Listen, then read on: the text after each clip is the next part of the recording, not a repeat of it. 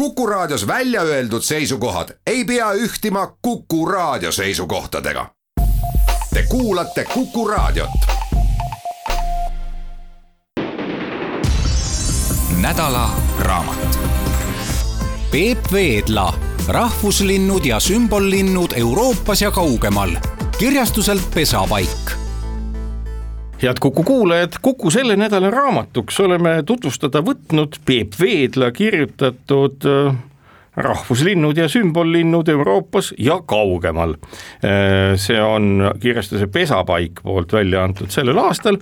ja siin on toimetajaks olnud Elle-Marit Alivee ja väga hästi kujundanud Heiko Kruusi. meil on selline hea lugu, et sel nädalal on ka Peep meiega, tere Peep! tervist! Äh, raamat lindudest, mis puudutab nii-öelda sümbollinde ja rahvuslinde, on äh, mõnes mõttes ju üsna tavatu. Äh, mis oli see peamine põhjus, miks sa just nimelt mitte, mitte et siis ütleme, mingid röövlinnud või põhjapoolsed linnud või mingit muud moodi, aga just nimelt sellisel moel, et raamatu kokku panid, mis tuleneb ju inimeste valikust ja kultuurihoiakust ühe või teise linnu suhtes vaat see teema on, mind on ta köitnud eluaeg enam-vähem lapsest peale ikka, ikka on kuidagi huvitav olnud, eks, eks juba, juba tollal eh, ilmselt noh, kuna ütleme noh, mina sündisin kuuekümne esimesel ja rahvuslinde hakati Euroopas valima kuuekümnendal, siis oli see kuuekümnendatel ja seitsmekümnendatel selline värske teema ja, ja ikka siit-sealt kuskilt ajakirjast, äh, noh, täpselt ei mäleta, aga ma kujutan ette, et võib-olla ka tä-, ajakirjast Täheke või Pioneer kuskil äh, kirjutati, et vot sellel maal on see rahvuslind ja tollel on too ja kuna linnud üldiselt mind huvitasid, siis see kuidagi, kuidagi kõnetas mind see teema ja, ja edasi kuskil selle sajandi vahetusel oli see juhus, kui kui ma olin äh, Eesti Ornitoloogiaühingu juhatuse liige ja mulle anti äh, ühingu väljaande Hirundo eessõna kirjutada, äh, noh, iga juhatuse liige sai siis ühes, ühe eessõna kirjutada ja, ja noh, mõtlesin, mis ma sinna kirjutan, ma kirjutasingi seal, et peaksime rohkem tähelepanu nagu ju mm, pöörama ja ja, ja teadvustama teiste riikide rahvuslinde äh, ja noh, sinna see jäi, äh, aga minu kuklas ta tiksus kogu aeg ja, ja no nüüd eriti koroona ajal oli ju vaba aega palju ja, ja tuli nagu meelde, et mul nagu see töö on tegemata. ja noh, see ühest küljest, et teema huvitas, aga teisest küljest äh, et noh, et miks ei kirjutanud, et noh, röövlinnud või, või midagi sellist. no tavaliselt on ju, eks ole, taksonoomia hoopis muusugune kui aga minu, minule meeldibki teha selliseid asju, mida teised ei tee. et kui minu eelmine raamat, millest küll on nüüd juba kaksteist aastat mööda, oli ju äh, Pöialpoiss Made in Luksemburg oli siis äh, lindude tutvustamine värsside kaudu või siis äh, luuletuste kaudu, kus oli kuuskümmend lindu äh, ja kuuskümmend su oma luuletust. kuuskümmend oma luuletust, aga, aga noh, need ei olnud mitte ütleme siis luule selles mõttes, et ehm, noh, mingi noh, nagu me, kui, kui ütled luule, siis mõtled ikka noh, midagi sellist romantilist ja nii, vaid, vaid need äh, värsid seal on äh, sellised, kus eh, iga see luuletus eh, ka tutvustab seda lindu. niisugune Shakespeare'ilik värss pigem siis. no, ei, no ma nüüd ei hakka Shakespeare'iga võrdlema, aga, aga ühesõnaga, see on, see on niisugune üks minu kiiks ja, ja kusjuures mul on juba järgmine see värsiraamat ka valmis kirjutatud, see lihtsalt ilmub sügisel. aga nüüd vahele siis tuli see Rahvuslinnud, mida ka ei ole tehtud rohkem kui Ron Toft on siis niisugune äh, mees, kes on äh, kaks tuhat neliteist algul äh, andis välja raamatu siis kogu maailma rahvuslindudest ja, ja no ma ei teadnud ka, et see raamat on ilmunud, aga kui ma hakkasin enda oma tegema, siis äh, noh, guugeldades tuli välja, et niisugune raamat on, kähku sai Amazonist tellitud ja, ja äh, no õnneks oligi nii, et temal oli see Euroopa osa oli nagu niisugune nõrguke pisut. seda ühest küljest, no kas või see, et tal oli seal Austria rahvuslinnuks pandud suitsupääsuke, noh, keda siit minu raamatust äh, tuleb välja, et äh,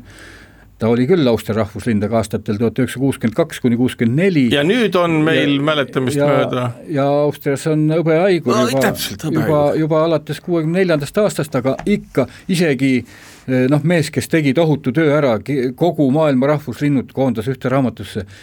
talle ei sattunud ette siis nüüd seda õiget, ta, ta, ta ei taibanud nagu küsida ka siis Austriast, et et noh, selline viga sees. Ja, ja samas alles möödunud aasta ilmus mul sõbral üks linnuraamat, kus oli ka kirjutatud, et Austria, suitsupääsuk on Austria rahvuslind ja ja, ja siin ähm, alles noh, nägin artiklit äh, ühes ajalehes, kus oli kirjas, et kiivitaja on äh, Iirimaa rahvuslind ja, ja noh, selliseid vigu on väga-väga äh, palju ilmneb ja no Eesti entsüklopeedias samamoodi on päris mitmed linnud märgitud äh, rahvuslinnuks, kes seda ei ole ja, ja noh, võtsin kätte ja, ja tõesti, see oli tükk tööd, et, et kõik see asi kokku uurida ja, ja enda jaoks sain nii palju üllatusi et äh, asjad, noh, ma olen eluaeg teadnud äh, mitmeid linde ka, et on vot on selle riigi rahvuslind, äh, noh nüüd selgus, et polegi. nagu näiteks? no näiteks kas või mm, no mis meil siin olid levinud, et Ungari rahvuslind on suur trapp või ähm,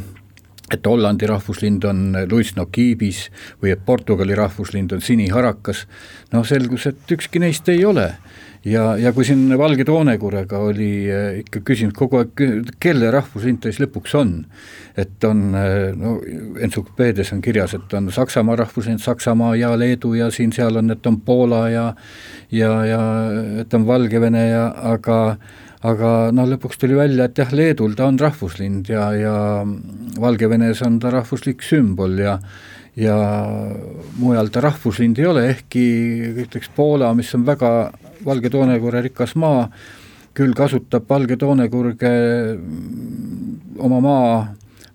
populariseerimiseks või, või Neid on seal, kui läbi sõita, siis nad ju noh, ka ütleme Leeduski, aga Poolas on ju tohutu hulk neid igasuguseid puust ja muust tehtud valge toonega kujusid kõikjal jaa, noh, see kujude tegemine, isegi meil Eestis on neid valge toonekuure nii palju kui Poolas aga... ma pole näinud, kui kõrvalteid mööda sõita, jaa. Eestis on neid vähe, aga, aga ka on. et noh, valge toonekurt on populaarne lind ja ta on tähtis lind, on ta ka ungarlaste jaoks ja ukrainlaste jaoks ja serblaste jaoks ja et ta on, ta on poplind, aga, aga vot noh, rahvuslind on ta jah, Leedus ei ole nii, et on, on igal pool, kus ta tast lugu peetakse, et on rahvuslind. no kõige vanem nii-öelda, võib-olla ma jätsin midagi kahe silma vahele, aga ehk nii-öelda juba vanadel müntidel on nii-öelda antiik-Kreeka linnuks kivikakk kas see on kõige pikemat aega nii-öelda sümbollinnuna kasutuses olnud või on neid linde ikkagi kasutatud ka varem kõikvõimalikel noh, ma ei tea nüüd ornamentidel niikuinii kunstis, aga just nimelt näiteks müntide ja muu sellised. Äh, no varasemast ei ole teada ega ei saa öelda, et ei ole sest äh, üks asi on meie teadmised, teine asi see, mis on äh, tegelikult olnud, aga kivikakk ehk siis nii-öelda väike öökull, nagu nad teda nimetavad, tema oli jumalanna Ateena lind ja, ja juba tõesti antiiksel ajal oli tähtsal positsioonil, noh, see ei tähenda, et ta nüüd, ta ei ole Kreeka rahvuslind, aga ta on Ateena sümbollind, on ta siiamaani ja ja, ja tõesti ääretult pika ajalooga, nii et ja, ja sealt ka saanud selle tarkuse sümboli rolli, et kui meil Eestis on ju ka justkui öökull on tarkuse sümbol ja noh, mitte ainult meil, see on ikka väga laialt levinud, et siis tegelikult noh, kui meie kasutame selleks oma kassikakku selleks sümboliks, siis algselt ikkagi on see tarkuse sümbol pärit väikeselt kivikakult ja, ja sealt Ateenast. aga nendest asjadest räägime juba edasi oma järgmises saates. head Kuku kuulajad Kuku selle nädala raamatuks oleme tutvustada võtnud Peep Veedla välja antud või kirjutatud ja Pesapaiga kirjastuse välja antud rahvuslinnud ja sümbolid Euroopas ja kaugemal. Me oleme saanud ka Peebu endale selleks nädalaks stuudiosse lahkelt seletama kõiki neid seoseid, mis on seotud rahvus- ja sümbollindudega.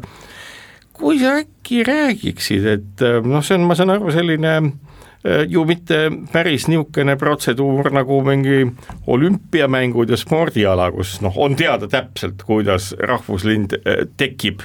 või ikkagi on see päris selge reeglistik, mismoodi üks või teine kultuuriline kogukond, riik või rahvas endale selle rahvuslinnu siis valib, ma saan aru, et kuuekümnendatest aastatest see toiming on olemas maailmas.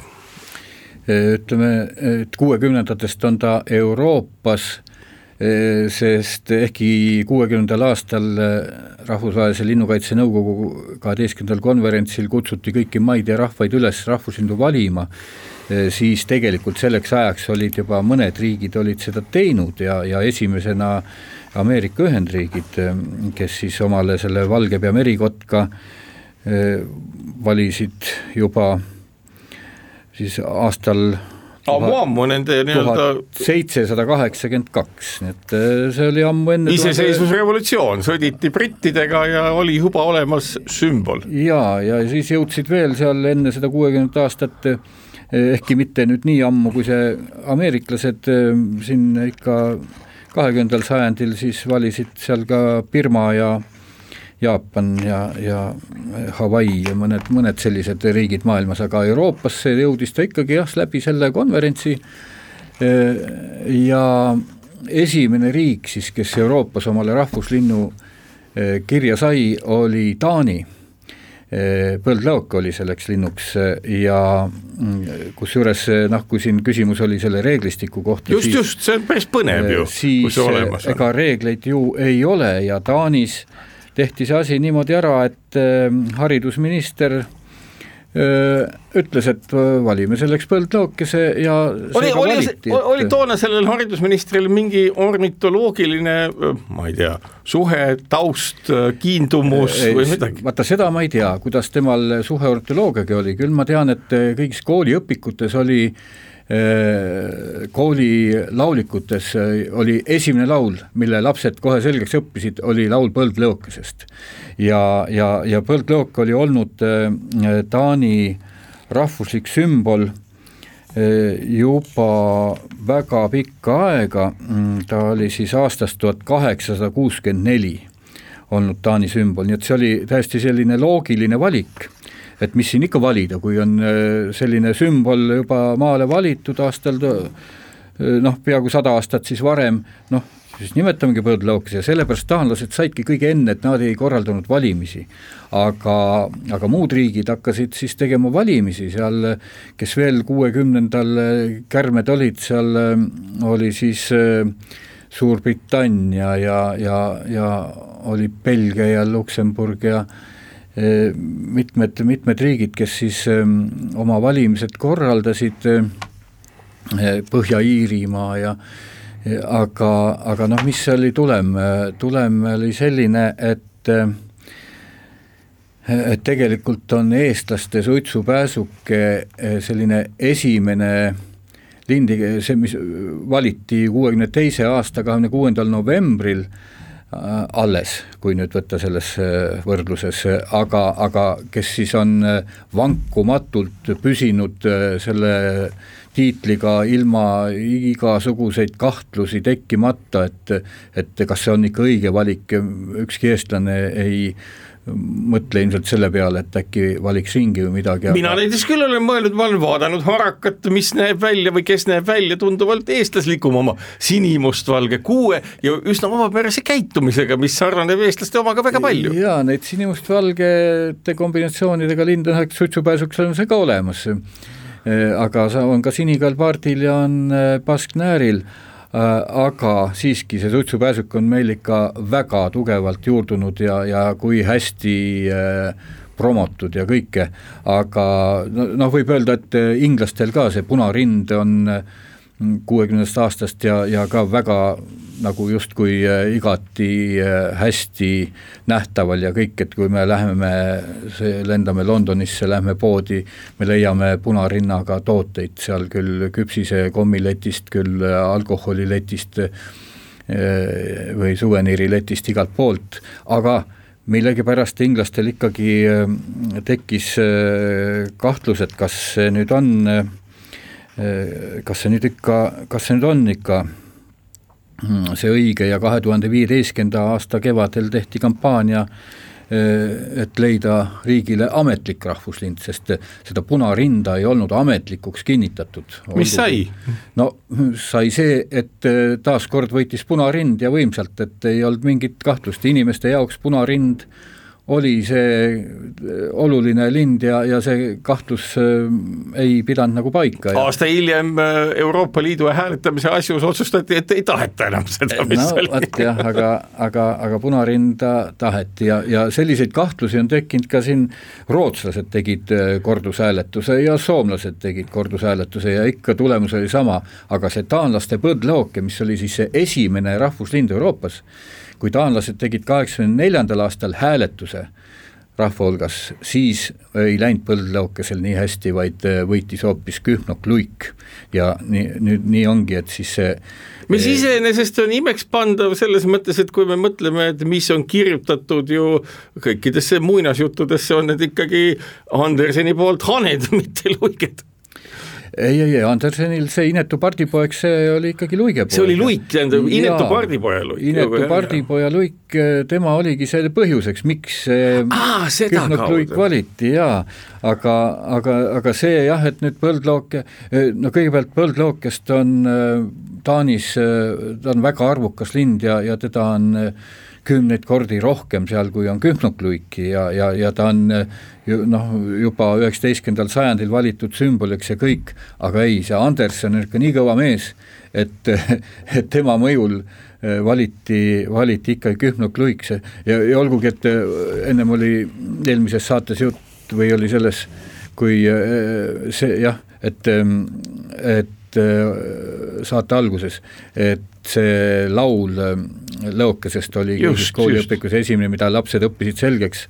aga samas oli ka taanlaste kõige tähtsam rahvuslik laul, mis neljakümne viiendal aastal tehti, on samuti Lookesest. ja, ja näed, nad suutsid ikkagi eh, valida hoopis Kühnok Luige, et see, see näitab Andersoni tugevust, tugev autor. Ometi on ju kõik need linnud, kes, ähm, linnud, kes meil siin äh,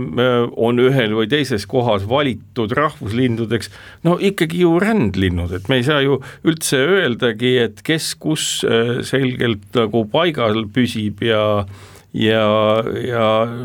vist väga üksikud linnud on kanaaridel, meil teadaolev, eks ole, kanaarilind, mis ta nii-öelda ornitoloogiliselt täpne nimetus ongi. kanaari koldvint täpselt, et ega neid nii-öelda paigal püsivaid linde ju vist väga palju ei ole, kõik nad jooksevad globaalselt mööda maailma ringi, õigemini lendavad. Ja no mitte kõik, mitte kõik, et on jah, no meie pääsuk on nagu kõige parem näide siinjuures, kes lendab siis talveks Lõuna-Aafrika Vabariiki, noh ikka päris kaugele aga ütleme, punarind äh, Inglismaal äh, on ju kohal aasta ringi. õigus, jälle õigus. jaa, sest ega nii külm nagu siin Eestis ei ole kogu Euroopas. ja, ja, ja paljud need linnud, kes siis rahvuslinnud on, on, on ikkagi ka aasta ringi seal kohal. aga no naljakas lugu oli näiteks selle Türgi rahvuslinnuga, et et noh, internetist siit-sealt on leida, et vainurästas oleks justkui Türgi rahvuslind ja, ja kui ma siis türklastele kirjutasin Türgi ornitoloogiaühingule, siis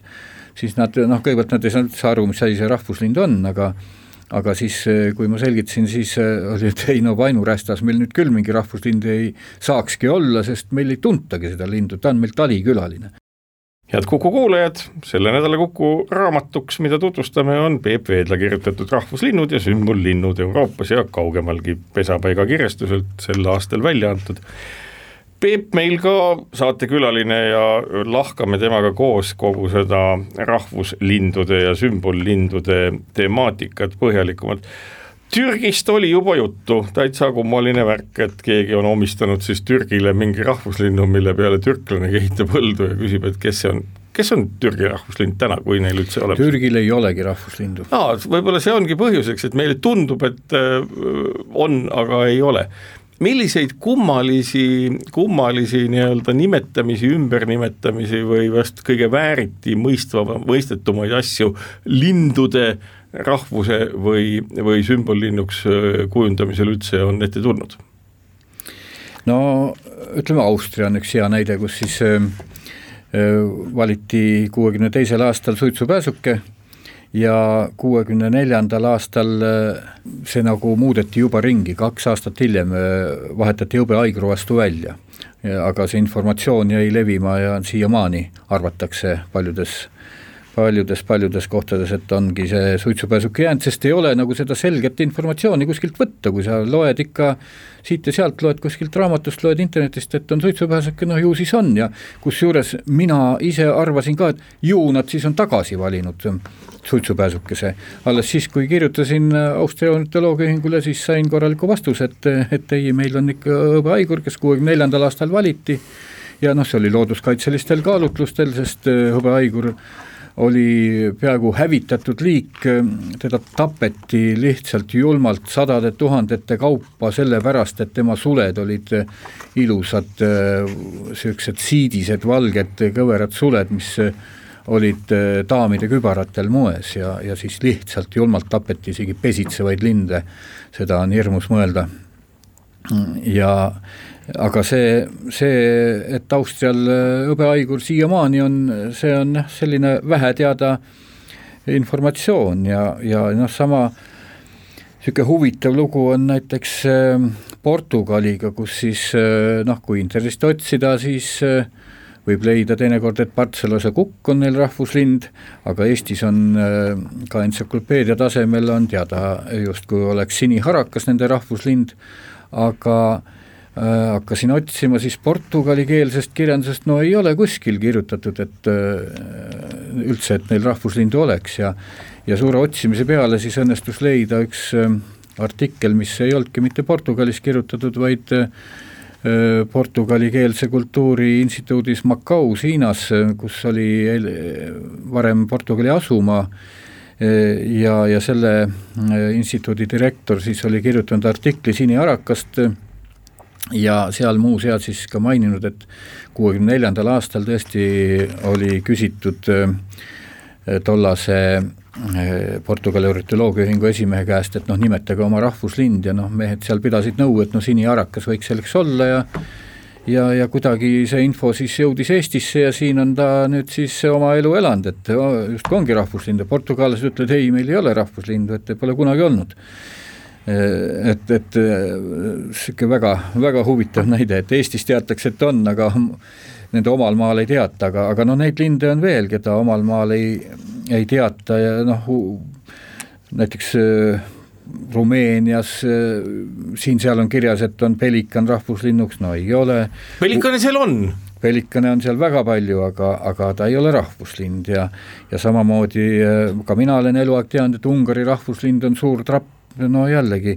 ungarlased ütlevad, et ei, ei ole, Ungaril ei ole siiamaani rahvuslindu, ei ole kunagi valitud, et suur trapp on tõesti meil ornitoloogia ühingu logol ja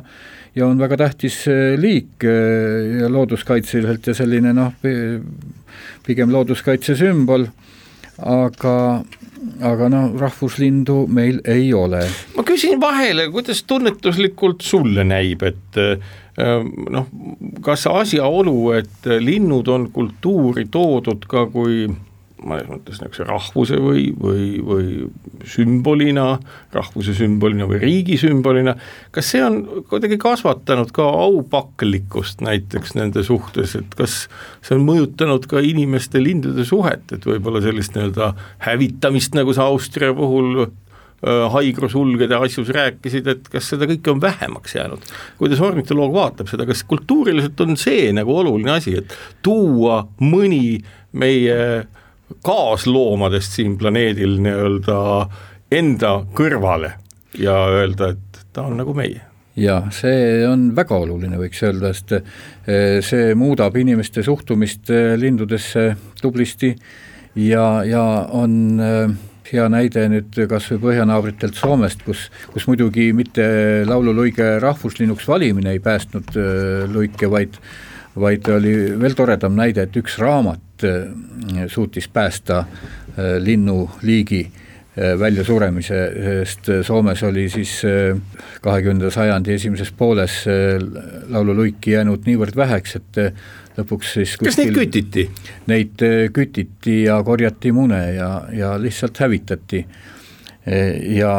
juhtus nii, et viiekümnendal aastal, tuhat üheksasada viiskümmend, siis Jürjo Kokko kirjutas laululuigest raamatu ja sellest raamatust sai bestseller ja see üks raamat muutis täiesti soomlaste suhtumist linnuliiki, muutis niimoodi, et nüüd pikemalt peatumata ütleme, et tänasel päeval on probleem, Soomes on laululuiki nii palju, et nad ei mahu sinna enam ära. Ja aga, aga ta on soomlaste jaoks püha lind ja, ja keegi ei taha kuuldagi midagi, et teda võiks küttida või kuidagi muul määral talle liiga teha, nii et et, et äh, ei pea alati kohe rahvuslinnuks, vaid nad valisid äh, rahvuslinnuks laululuige alles tuhande üheksasaja kaheksakümne esimesel aastal, nii et kolmkümmend aastat hiljem. sellest ajast peale on neil ka kõikvõimalike toodete peal siis seesama äh, sümbol või oli juba varem? jaa, ei, ütleme need rahatähtedel ja see on jah, pigem sellest ajast, kui on rahvuslinnuks valitud, aga, aga ka varem nad ikkagi luigest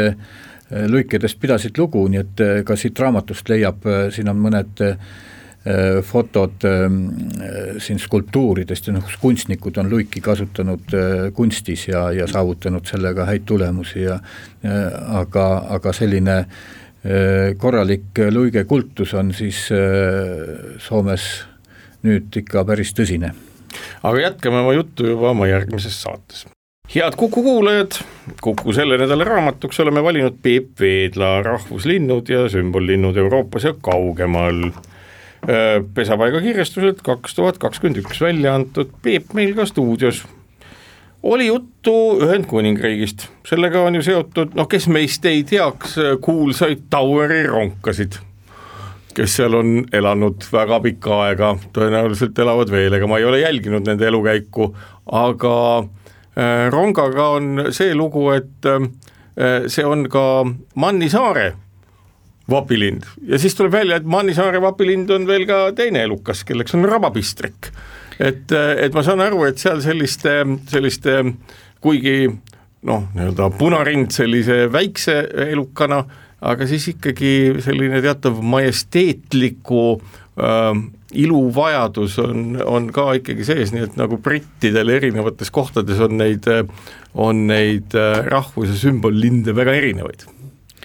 ja no Mannisaar on ka täiesti selline öö, omaette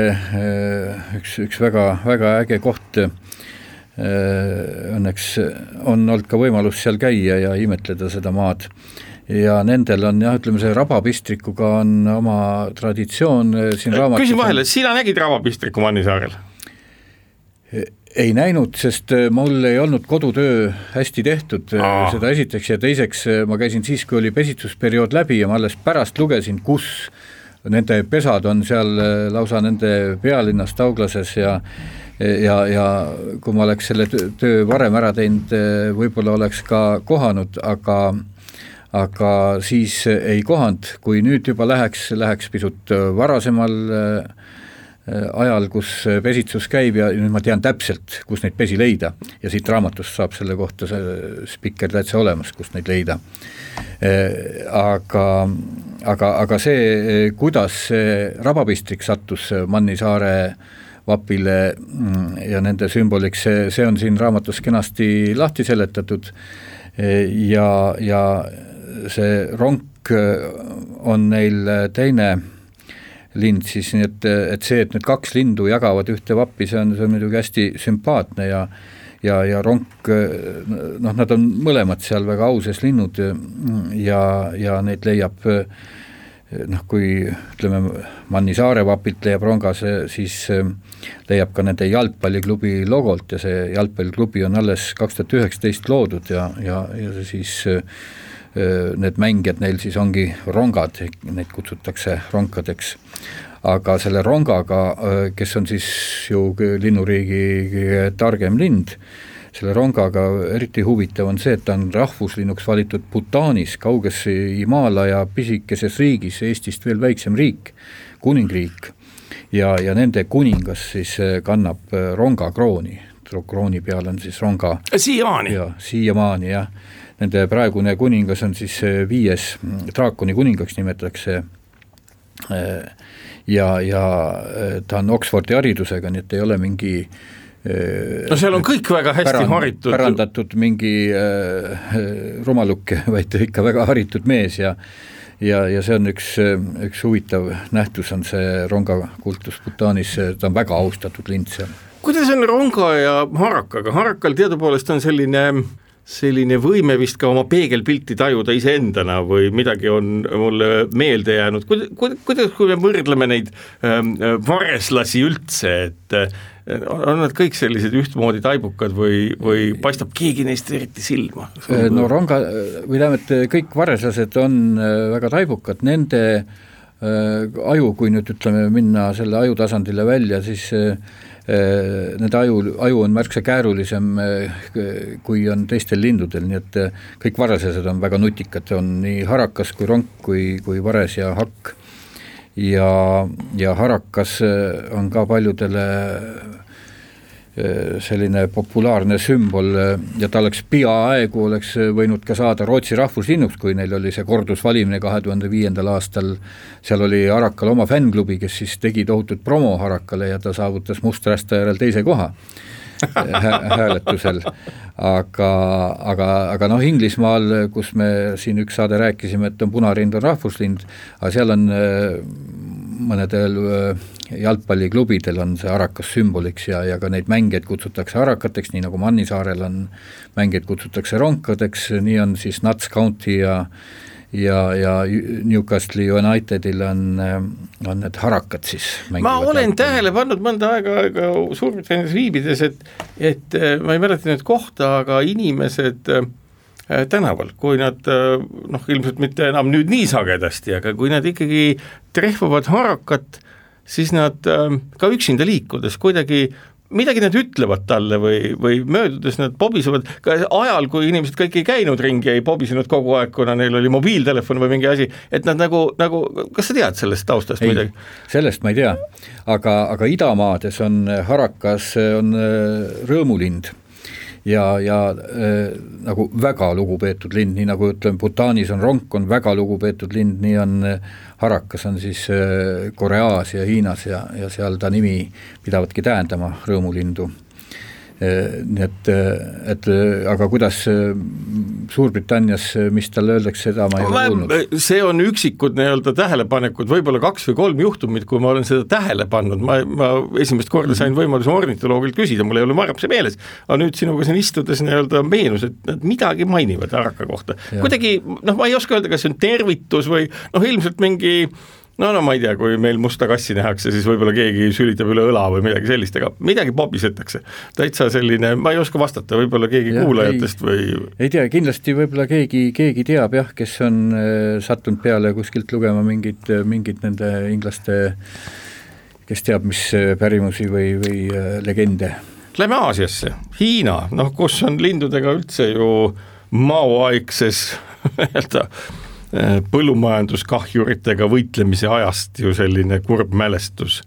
värvuliste masstapmisest ja on nemad leidnud endale nüüd rahvuslinnu hilisemal ajal? Äh, vot Hiina kohta, Hiina kohta ma ei tea, sest mina ka käsitlesin siin raamatus ütleme, kaugemate maade selliseid rahvuslinde, kes on meil Eestis meie, meie omad linnud et ma ei, noh muidu ma oleks pidanud tegema maailma rahvuslindude raamatu. Ja, ja seetõttu Hiina minu äh, selles huviorbiidis ei olnud, kuna seal ei ole, ei ole sellist, kui seal on rahvuslind, siis ei ole see selline, keda, keda meie teame, kes oleks meie liikide hulgas. Ja, ja selle tõttu ongi siia sattunud noh, lisaks Bhutanile näiteks Põhja-Korea. just, sinna ma tahtsin jõuda, Põhja-Korea millise riigi mündil on kanakull? no mitte ainult mündil, vaid ta on ka nende rahvuslind ja ka nende äh, Nende see esimene mees sõidab lennukiga, mille nimeks on siis Kanakull üks ehk siis Tšammae üks. Ma olin üllatunud mündi suhtes, ma kujutasin ette, et see on ikka niisugune riik, kus äh,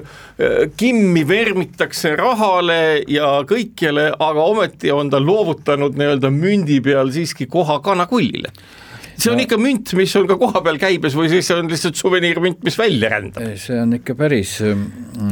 sest noh, Kim ise austab ka kanakulli ja ta no ütleme, siin ongi nüüd see taust, et kuidas miks nad seda kanakulli austavad, kui, kui meil ütleme, meie austame oma suitsupääsukest selle tõttu, et kunagi ammusel ajal suitsupääsuke jagas inimesega eluruume, siis äh, Koreas äh, on kanakulli taust on see, et nad pidasid, no ilmselt ka peavad praegult kanakullidega jahti, nii nagu äh, me teame, et pistrikiga peetakse jahti. Äh, siin raamatus on ka mm, kanakull on ju iseenesest üsna pisike elukas. äh, no ta on ikka suurem kui pistrikud. ja pistrikust suurem. ja, ja, ja see noh, see jahipidamine röövlindudega, mm, mille kohta Eestis ei olegi terminit, inglise keeles on ta siis falconry, see on ju nüüd UNESCO kultuuripärandi nimistus head Kuku kuulajad, Kuku selle nädala raamatuks Peep Veedla Rahvuslinnud ja sümbollinnud Euroopas ja kaugemal. Äh, kirjastuselt äh, Pesapaik sellel aastal välja antud, Peebuga me ka sellest raamatust kõneleme. nüüd äh, Lõuna-Koreas, ma saan aru, on juba sootuks teine kultuur, seal ei olegi lindu, mis meile teada. no nendel on harakas, on see paljudes andmebaasides on kirjas, et Lõuna-Korea rahvuslind on harakas ja, ja ma esialgu ka uskusin seda, aga, aga materjalide läbitöötamisel ikkagi jõudsin selle teadmiseni, et ta on küll paljude maakondade ja linnade ja, ja äh, omavalitsusüksuste sümbollinnuks, aga tal ikkagi ametlikku rahvuslinnu tiitlit ei ole. Äh, aga ometi Harakas seal äh, niivõrd lugupeetud lind on, et ta on äh, nii Koreas kui seal teistes idamaades mitmetes on ta rõõmulind ja, ja inimesed äh, omistavad talle igasuguseid positiivseid omadusi ja peavad äh, temast väga lugu. Muidugi üks hästi selline vist ainus koht, kus on vaenukägu valitud selliseks rahvuslinnuks, on Iisrael, mis selle vaenukäo, teda on ju ka siin näha, ta on uskumatult äh, vahva tegelane oma sellise ähm, indiaani peaehte sarnase tutiga, paistab kaugelt välja ja kummastab, kui ka vahel isegi mõnes linnas ette jääb kust nemad selle said? Äh, vaenukägu Eestis, ma arvan, et ongi üks kas kõige ilusam lind või, või üks ilusamaid kindlasti. mille üle kindlasti kaasornitoloogid kõvasti vaidlust tekitaksid. ikka võib vaielda jaa, aga, aga muidugi Eestis on teda nii vähe. teda on vähe. mina teda. olen ise teda Eestis näinud ainult ühe korra. mina olen kaks korda no., üks kord Tallinnas ja teine kord kusagil seal äh, Kesk-Eesti, Kesk-Eesti rabade kandis seal Soomaal. jaa, mina nägin alles mõni aasta tagasi Rägavere mõisa juures äh, Lääne-Virumaal, aga mina esimest korda vaenukägu nägin kunagi, kunagi elus Turkmeenias ja, ja noh, nüüd olen näinud jah, Horvaatias, Hispaanias, no seal Lõuna-Euroopa pool, aga ehk siia satub ta ikka juhuslikult? ei no eks ta siin pesitseb ka, aga vähe, et siin on tema levila põhjapiir aga Iisraelis on teda palju. Ja, ja kui nüüd iisraellased valisid oma riigi kuuekümnendaks äh, sünnipäevaks äh, aastal kaks tuhat kaheksa rahvuslindu, siis äh, vaenukägu selle tiitli sai ja temaga oli lihtsalt seotud selline tõsine legend, et kunagi vaenukägu aitas kuningas Saalomoni Teeba, Seeba kuninganna juurde. Ja, ja nemad kui sellised äh, austlikud inimesed, et kui vaenukägu oli kuningas Saalomoni sõber, siis tema sobib meile rahvuslinnuks väga hästi, et vaatamata sellele, et ta on tegelikult räpane lind. Ilus lind, aga, aga milles tema räpasus? no tema pesa, mm, ta ei pea kodus absoluutselt äh, hügieeni. Ja, ja see pesa haiseb, mis hirmus. kas sellel on mingi tähendus, et sellest eemale hoitakse võib-olla? Äh, no selle haisuga on see, et äh, vaenukäel on ka omadus, oskus kui keegi läheb teda torkima, siis ta pritsib enda seest välja sellist äh, haisvat vedelikku, nii nagu skunk teeb seda. aga siis on meil ju täiesti õige rahvuslind, kui me meenutame praegu seda, millisel moel juudid ennast oma riigis kaitsma peavad, neil on ju üsna vaenukägulik äh, masinavärk, mille nimi on raudne kuppel või mis selle nimi on, Iron Dome, mis tulistab alla igasuguse vaenlase saadetud kilakola, mis territooriumil tulema. Hakkab, nii et suhteliselt no,,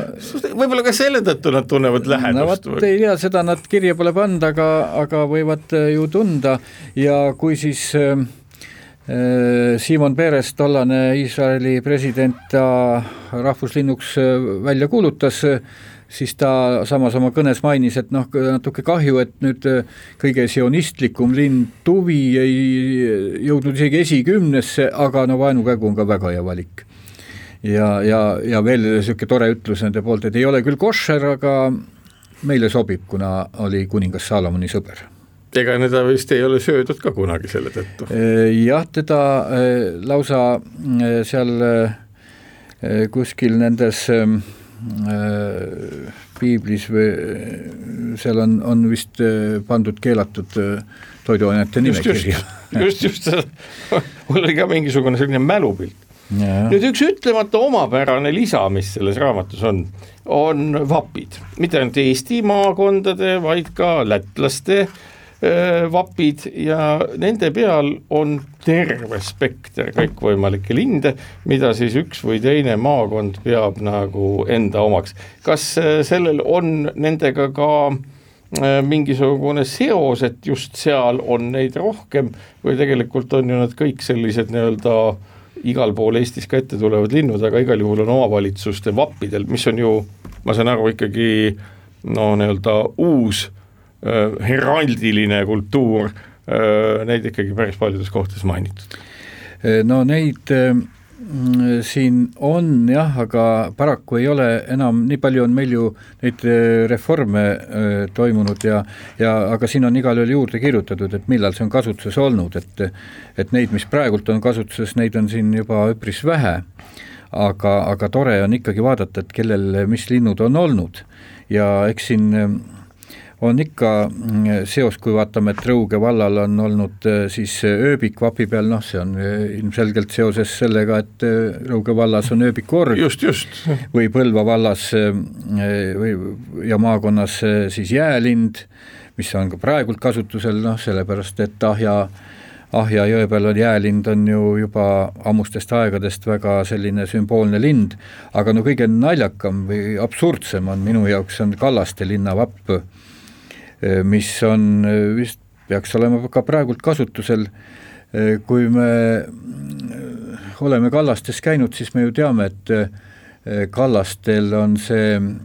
kõrge liivakallas, mis on täis kaldapääsukesi, jah. ja nende aga, vapil on suitsupääsuk. aga vapil on suitsupääsuk, et see noh, minu arust see näitab seda, et, et siis nüüd ütleme, see kunstnik, kes on selle vapi teinud ja, ja ühtlasi ka see Äh, linnavalitsus või kes selle on heaks kiitnud, nad lindudest mitte tuhkagi ei jaga sest äh, nad, küllap nad ikkagi mõtlesid neid pääsukesi, kes neil kalda sees äh, pesitsevad, sest siin on ka see kallas justkui on joonistatud siia peale, see, see on ju punane liiv neil ja siin selline punane serv on, aga, aga, aga see teadmatus on olnud nii suur, et, et nad on väga rahul oma suitsupääsukesega. no igatahes on ornitoloogide poole põhjust pöörduda Peep Veelde raamatut ka lugeda, eriti neil, kellel on kõikvõimalike seoste ja teadmiste järgi puht nagu hobiline vajadus, näiteks mälumängurile on see raamat ikkagi suur kullaauk. ja tänan, Peep, et said aega tulla raamatut tutvustama ja sellega on ka meie sellenädalane raamatu tutvustus läbi. nädala raamat. Peep Veedla, rahvuslinnud ja sümbollinnud Euroopas ja kaugemal kirjastuselt Pesapaik